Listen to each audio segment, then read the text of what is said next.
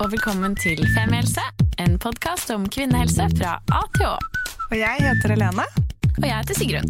Og vi har startet denne podkasten fordi vi mener at det bør snakkes mye mer om kvinnehelse. Så la oss snakke. Hallo. Hallo! Her er vi for å lage en splitter ny episode av Femihelse. Denne episoden er så hyggelig at er, eh, det er noen av dere som har tatt initiativ til den. Ja. Ja. For det vi skal snakke om i dag, det er Jeg vet ikke hvordan vi skal beskrive altså hva vi egentlig skal kalle det for. Men vi skal snakke om seksualitet med fokus på skeiv seksualitet. Blir ikke det sånn cirka riktig? Jo, Jo. enig.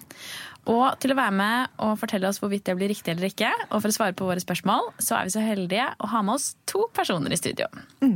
Så da kan vi begynne med å ønske velkommen til Nanna Klingenberg.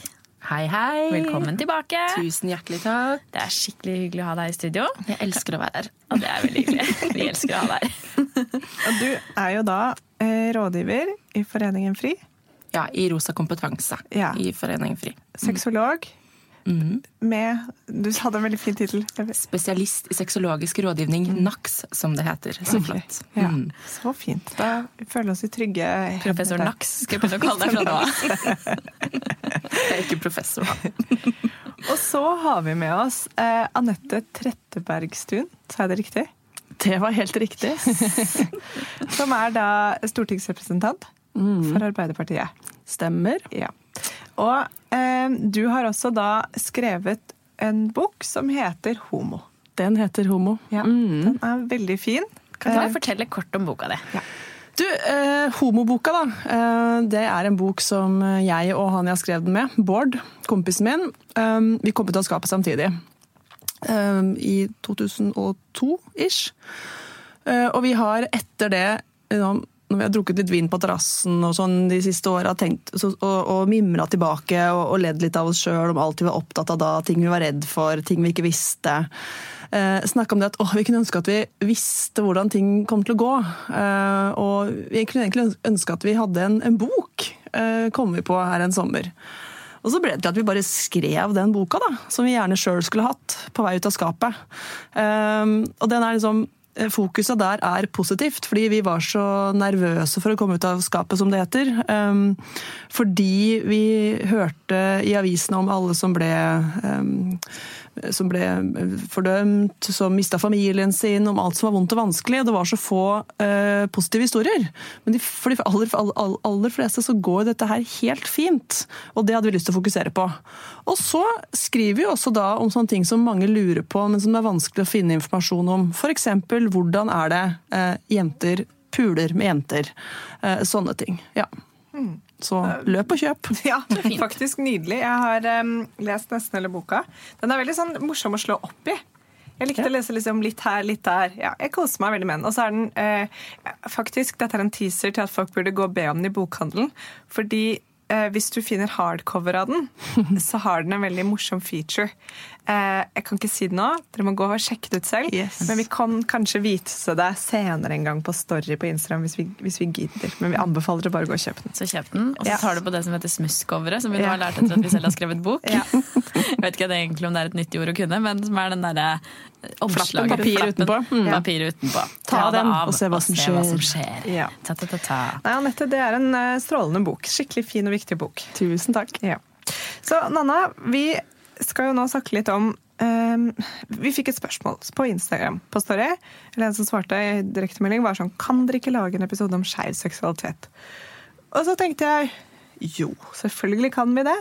Men så snakket vi også litt med deg, og så var det jo litt sånn Eller eh, vi snakket om Men er det egentlig liksom noe forskjell på vi har jo allerede laget en om orgasme. Altså? Det er jo ikke noe annet. Vi prøvde jo å kalle den episoden 'kvinnelig orgasme', som ble nedstemt fra din side.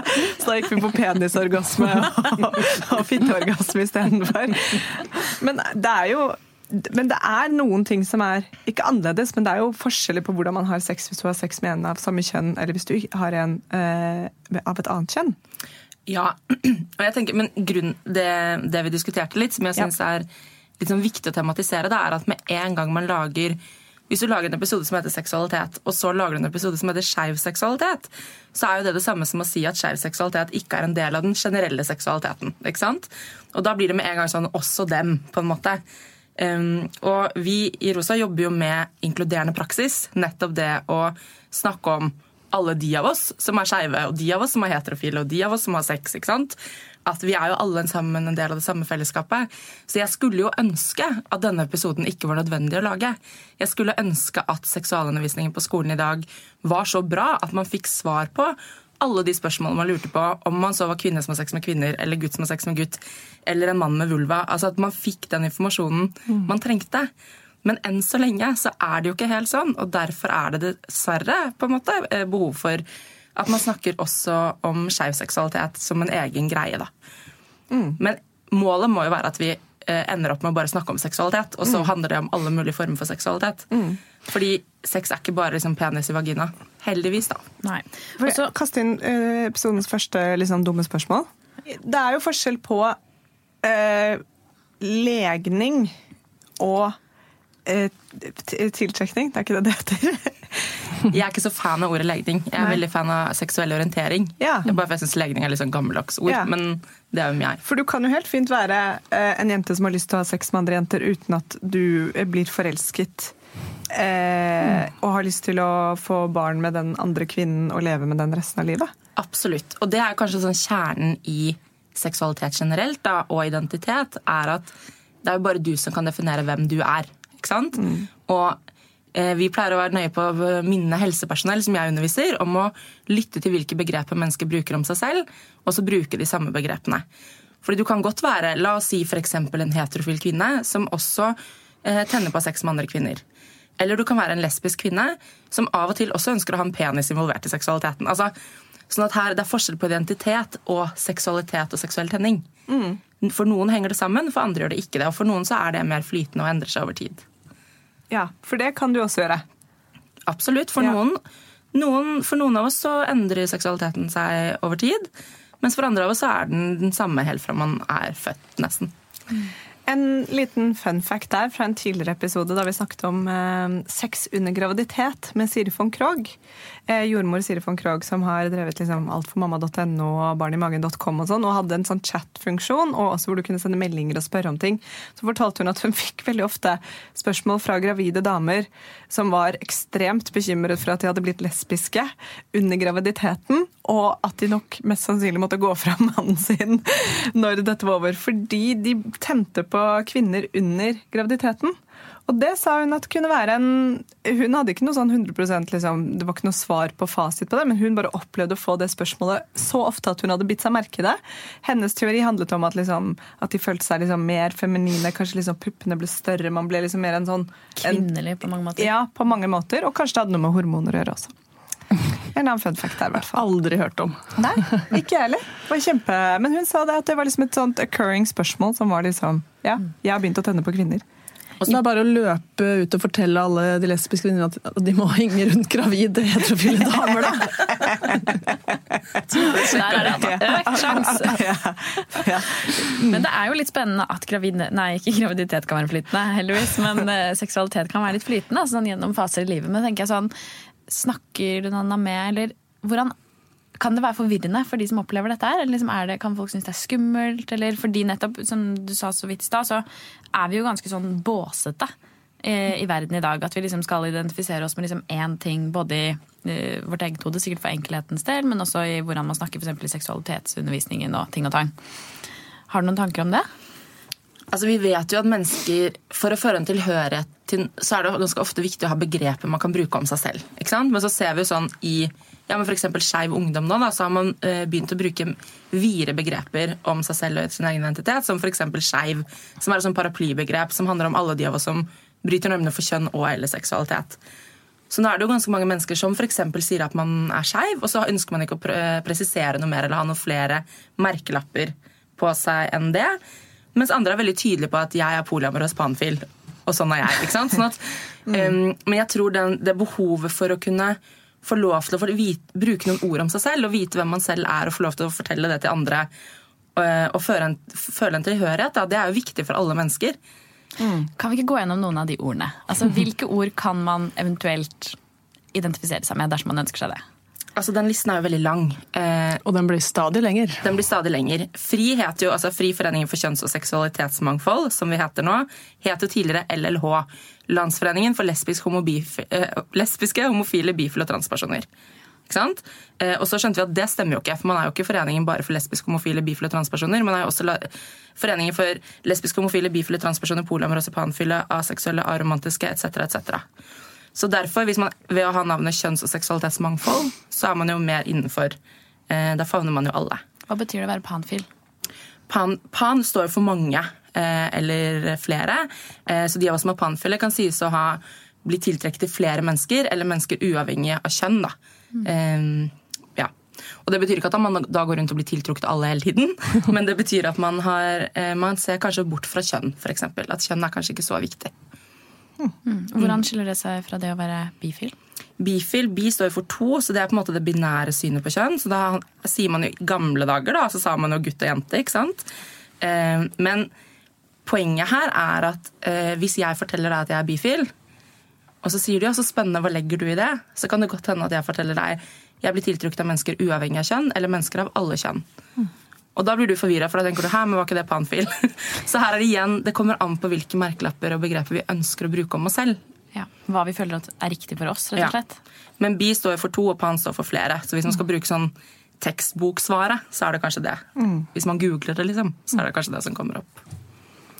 Dette her skriver jo vi også om i boka. Eh, fordi at jeg opplever jo veldig ofte at folk blir veldig usikre på alt som har med skeivhet å gjøre. Fordi at de, de, vet om dette lange alfabetet med disse bokstavene er ikke helt sikre på hva det betyr. Og så er de så innmari engstelige for å trå feil. Eh, at da lar de heller være å snakke om det, og, og tør ikke å spørre. Eh, og det var et av mine prosjekter med den boka var det å ufarliggjøre alt lite grann. Eh, fordi at vi er alle tjent med å få en sånn bedre samtale om alt dette her, og alle de båsene og alle de variasjonene av både kjønn og identitet og seksualitet. Eh, og da kan, kan alt, det som virker fremmedgjørende, må jo på en måte normalisere. Da. Derfor så kalte vi boka for, for homo som har vært litt provoserende for noen. Eh, Men poenget med det var å si at det er ikke så farlig hva du kaller det. Eh, Hvis du, hvis du trenger å sette et ord på det, så kall det de homogreiene, da.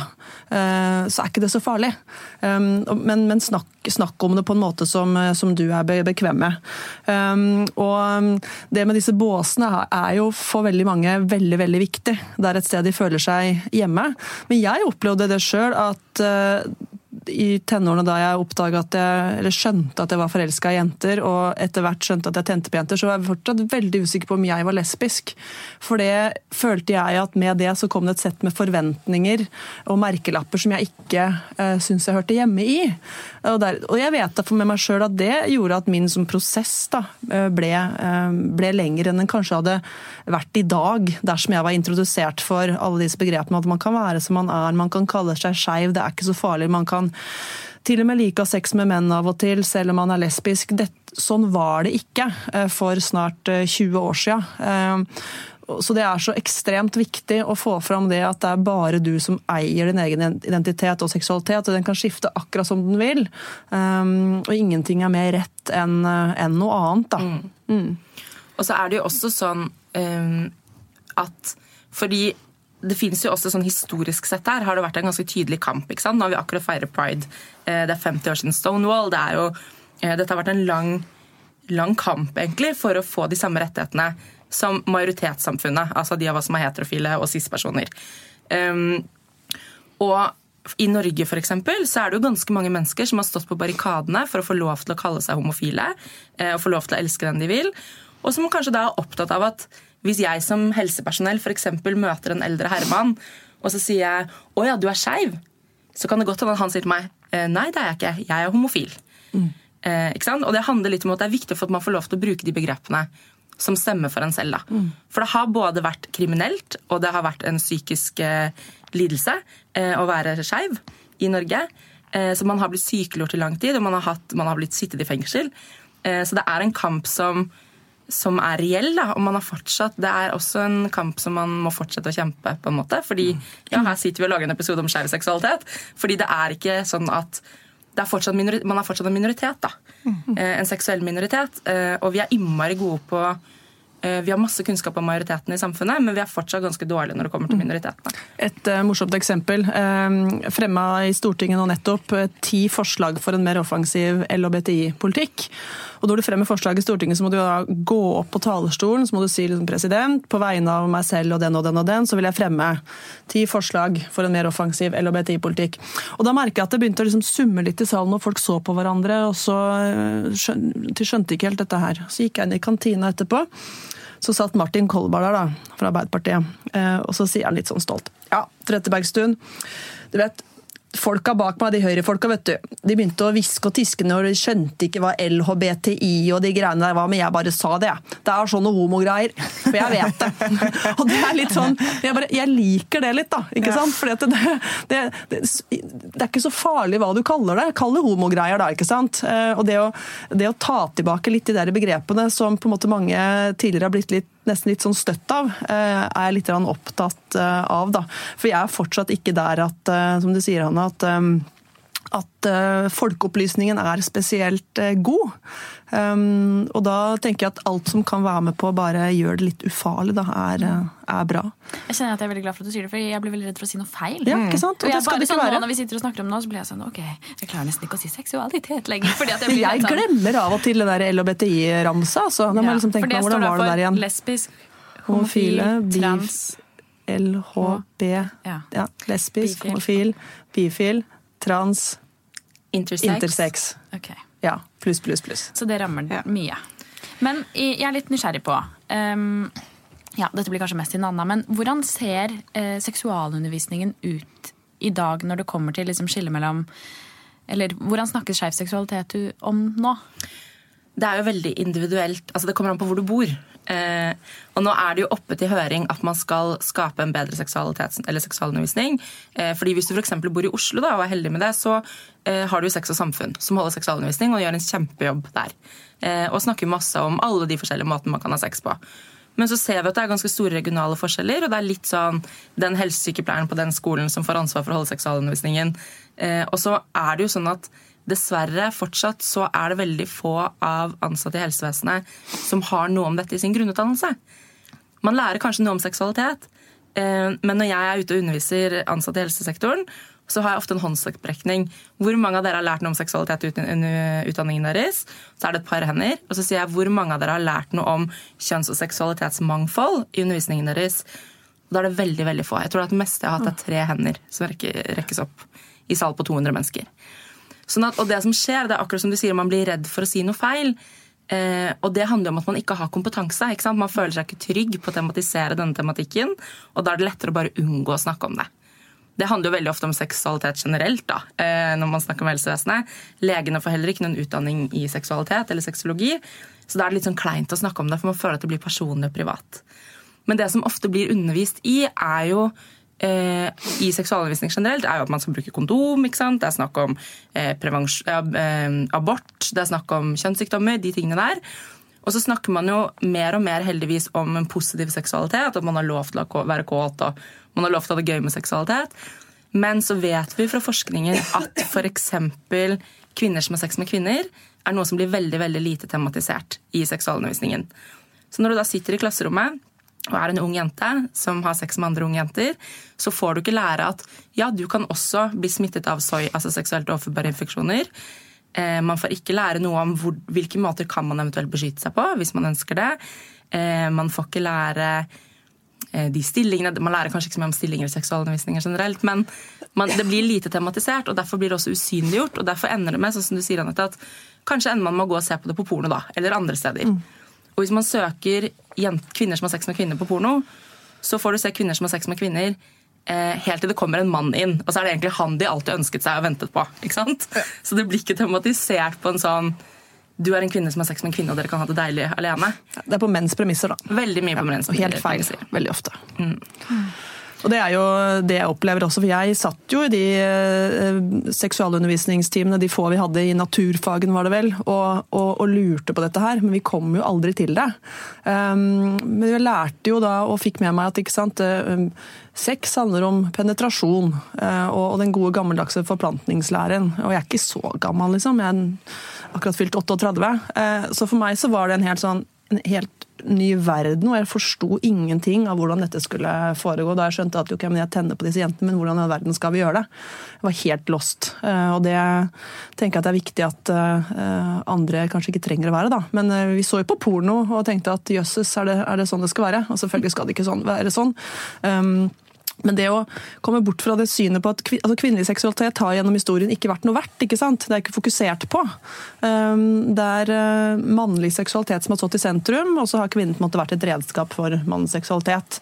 Um, og det, det, det synet uh, er jo gjennomgående i dag også. Derfor så er liksom det med uh, menn som har Sex med menn, eh, der fins det jo eh, masse informasjon, og det har vært, hva som kan være konsekvensen av det osv. Eh, er jo viden kjent, men, men, hva lesbiske trenger å gjøre for å beskytte seg osv. er jo ikke like mye snakka om. da. Mm. For så er det jo sånn at Jenter som har sex med jenter, går jo ofte ikke til gynekolog, for de skal jo ikke ha p-piller kanskje, og tror at de ikke trenger det. ikke sant? Det er jo helt feil.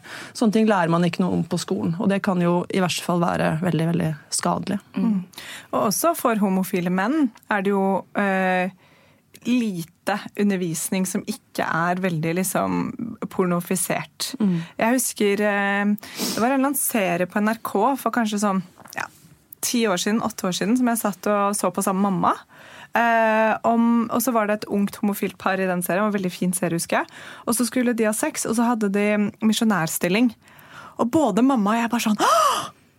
Wow! Er det sånn de gjør det? det? Er det mulig? Jeg husker vi satt her og bare altså, vi, altså, Det føltes sånn, du vet når øynene holdt på å poppe ut. Det var sånn, Jeg hadde aldri tenkt at menn kunne ha misjonærstilling. Og det var sånn, den, Sexen var skildret skikkelig koselig. altså sånn som sex. Vanlig, hyggelig kjærlighetssex mellom to kjærester. Ikke slengt opp etter veggen, liksom? Nei, og ikke liksom bakfra sånn hardt med altså Det var bare sånn, jeg tar sånn Aha! Sånn kan det være. Og det blir jo heller ikke tematisert i seksualundervisningen. Fordi ja, eh, menn som har sex med menn, har jo vært tematisert, men da har det gjerne vært i et litt sånn eh, forebyggende. HIV-lys. Ja, ikke sant? At eh, da må man bruke kondom, og det er smittefare og sånn. Men det å få lov å snakke om at det er jo ikke alle menn som har sex med menn som vil ha analsex, f.eks. Hvilke andre måter kan man ha sex på? Hva hvis man er to passive i en relasjon? Altså det, kan være, det er mange ting her som man mm. eh, også gjerne skulle snakket om. Mm. Jeg husker veldig godt at jeg, jeg, var jo helt desperat etter informasjon, og jeg kjente ingen jeg kunne spørre. Så, så det var jo å gå på internett, ikke sant. Og, og en ting var pornoen, eh, og en annen ting var det å prøve å google seg fram til altså, sånne alle mulige sider med, med, med, med, spørsmål og svar. Men det som irriterte meg, husker jeg, var at alle skulle være så politisk korrekt og velmenende og si at nei, men vet du hva, alt er normalt. Her er det bare å føle seg fram med din partner, og ikke tenk på det. Et skritt av gangen. Og det var sånn, ok, det er sikkert greit, men jeg må faktisk vite hva man rett konkret kan gjøre.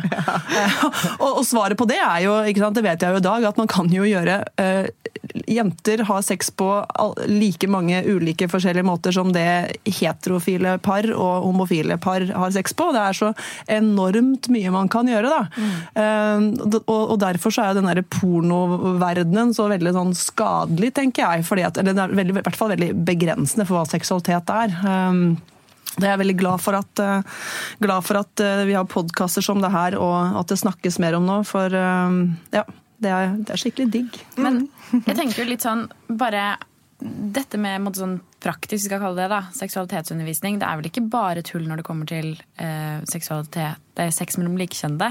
Eh, for vi lærer jo, eller vi lærte i hvert fall ikke sånn praktisk sånn hvordan et vanlig samleie mellom to stykker som er glad i hverandre, kan gjennomføres annet enn at det er liksom sånn tiss i tiss. Nei, man snakker alt veldig meta om ja, seksualitet, som du sier alt er naturlig og normalt. Ja, og det var sånn, det var, jeg leste 'Gleden med skjeden' litt sånn nøye nå i vinter, og der beskriver de jo egentlig veldig sånn praktisk hvordan samleie eh, kan gjennomføres på flere forskjellige måter. Liksom, måter du kan oppnå orgasme på, liksom, hvordan du skal, hva du skal gjøre med kroppen, helt sånn konkret. Og det er jo noe jeg tenker sånn at man kanskje burde få inn seksualitetsundervisningen litt sånn uansett. Skeiv Ungdom eh, har laget et hefte som heter Skeiv sexhåndbok. Alt eh, seksualundervisningen ikke lærte deg. Eh, og Den kan man laste ned på Skeiv Ungdom sider.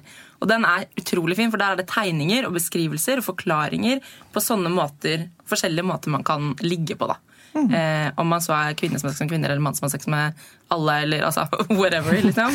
Eh, Den skal, den skal vi Det, dele. der, det, er det, det er det som er så viktig, som sier alle mulige måter å ligge på. Da? For Vi er jo opplært til å tenke at sex er for det første penetrasjon, og hvis det ikke er det, så er det kos. Men ikke sant? sex handler jo om så mye annet enn kjønnsorgan. altså Bare det å lære seg hvilke erogene soner man har på kroppen, det er jo noe som alle burde, alle burde lære. Så seksualundervisning har definitivt eh, et stort potensial til, til forbedring. Så jeg, det heftet fra Skeiv Ungdom er, er kjempebra.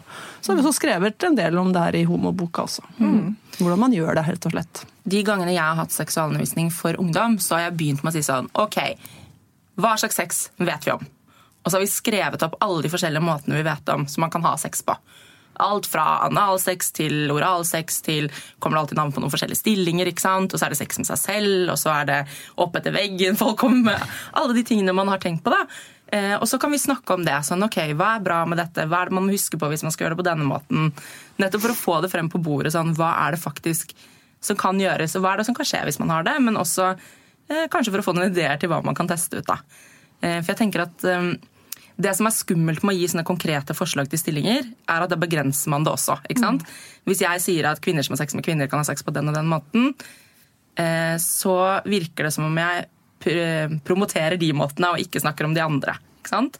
For det er jo sånn at det er jo heller ikke, heterofile par har jo ikke sex på samme måte, de heller. Nei. Men jeg tenker det blir jo Nei. Det er jo forskjell på folk som har hatt sex i mange år og en introduksjon til sex, og spesielt beskrive det skillet mellom porno og ekte sex.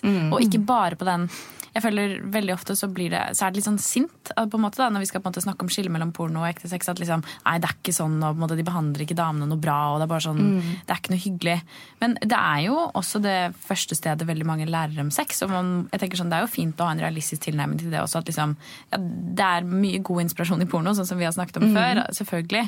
Men hvis du skal begynne da, for første gang og lure på liksom, hvordan du gjør dette her, og selvfølgelig er alt normalt, men at det også er fint å kanskje sånn For eksempel kan du begynne her.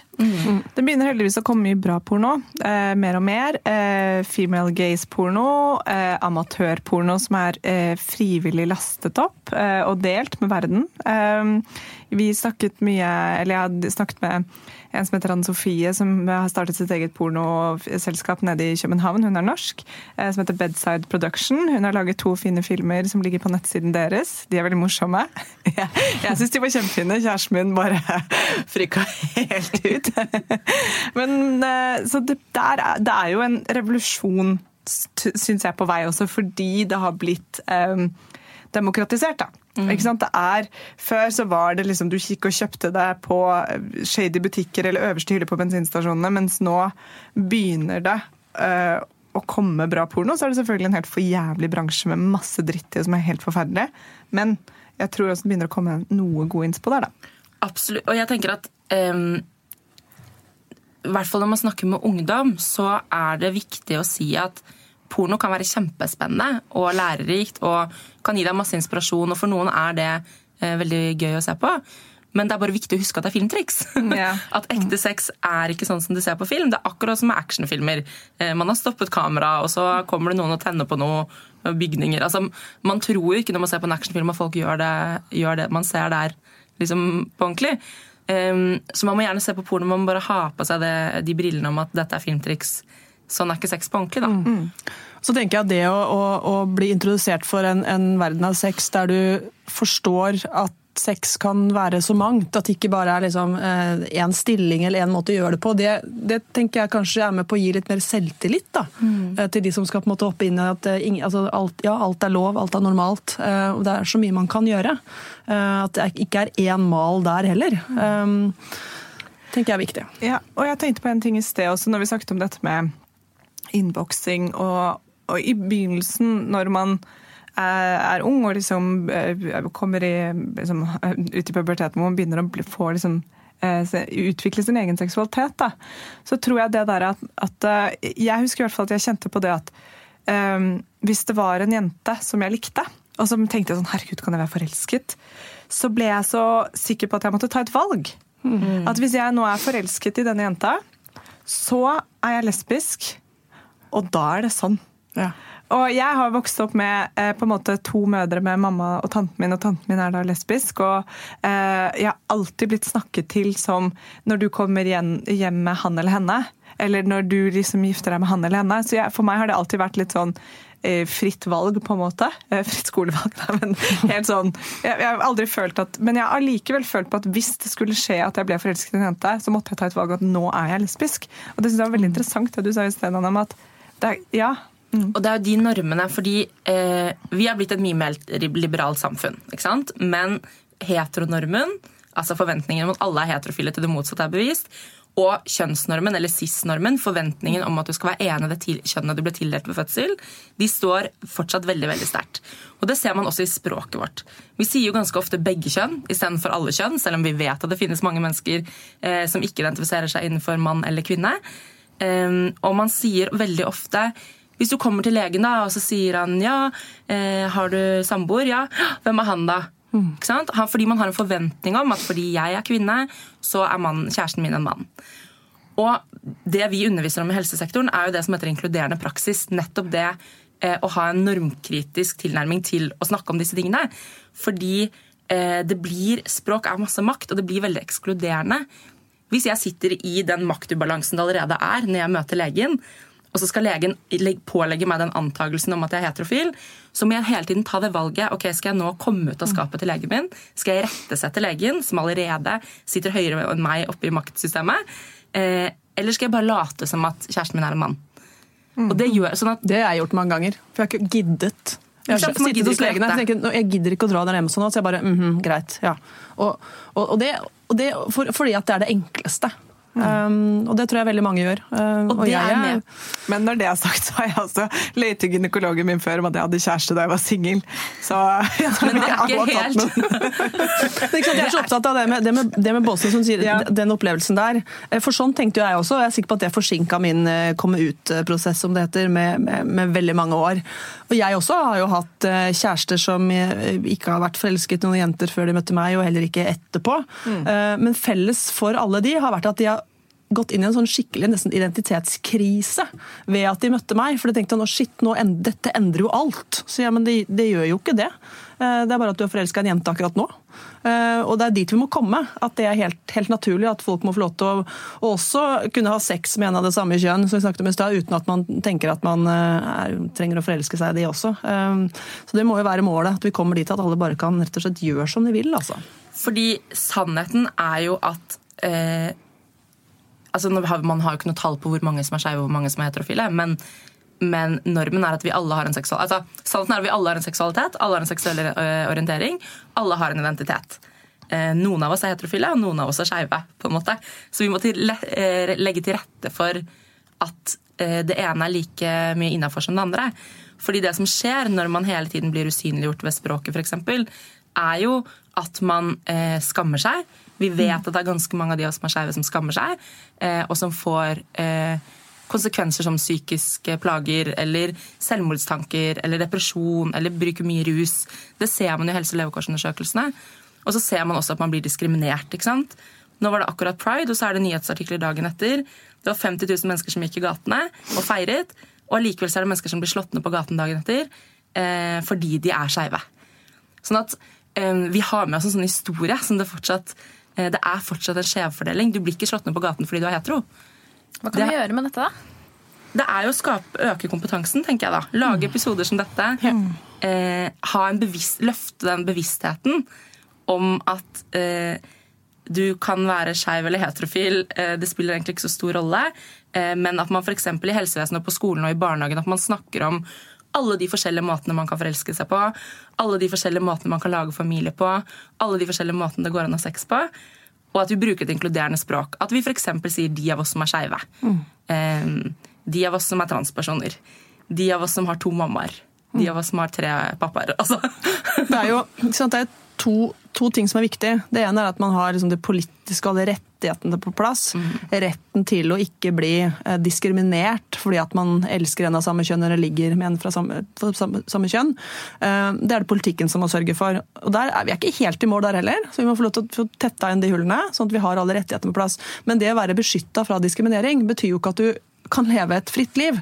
Der kommer jo all den jobbinga som Rosa kompetanse, som FRI, som Skeiv ungdom, som, dere med podkasten her gjør, eh, som endrer holdningene hos folk. Eh, som øker kompetansen. Alt det som gjør at vi til slutt ikke kommer til å le på et øyenbryn om, om sønnen vår eller dattera vår sier at du vet hva, jeg, jeg er hetero, men jeg ligger med damer av og til. Eller, jeg, eller sønnen vår sier at jeg, jeg tror jeg er homofil. Eh, og det er jo et sånt langsiktig arbeid som bare må gjøres eh, av oss alle. da. Mm. og der er vi. Vi er ikke i mål. eh, For selv om eh, det var over 50 000 som gikk i, og feira pride på, på lørdag, og det var solskinn og alle var lykkelige og det var kjempestemning, så, så ble folk banka opp på, på vei hjem. Så vi har fortsatt en, en, en stor jobb å, å gjøre, da. Mm. Og det må vi heller ikke glemme.